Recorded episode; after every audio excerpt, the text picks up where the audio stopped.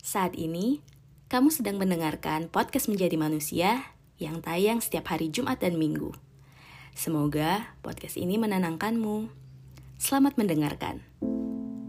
Ketika hampir setiap saat ruang diri dijajaki oleh yang lain, tak ada ruang sedikit pun untuk menenangkan diri.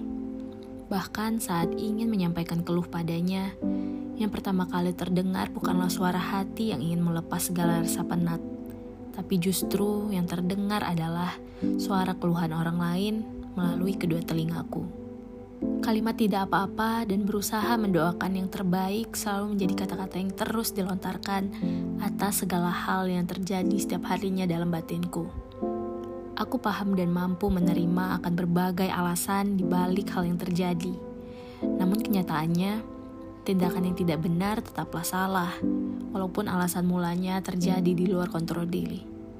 Pun, membiasakan untuk menerima hal yang tidak sewajarnya diterima oleh diri hanya akan terus memaksakan diri, terlebih ketika orang tersebut tak berusaha menghargai dan memahami.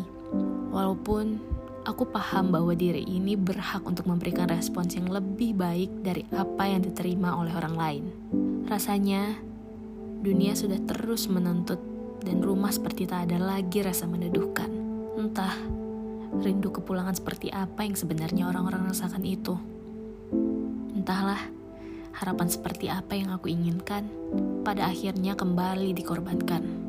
Tidak apa-apa, kita hanya butuh ruang dan waktu sendirian untuk diam, sebentar saja.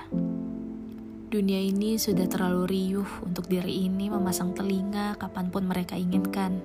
Terlalu riuh untuk diri ini turut berbicara.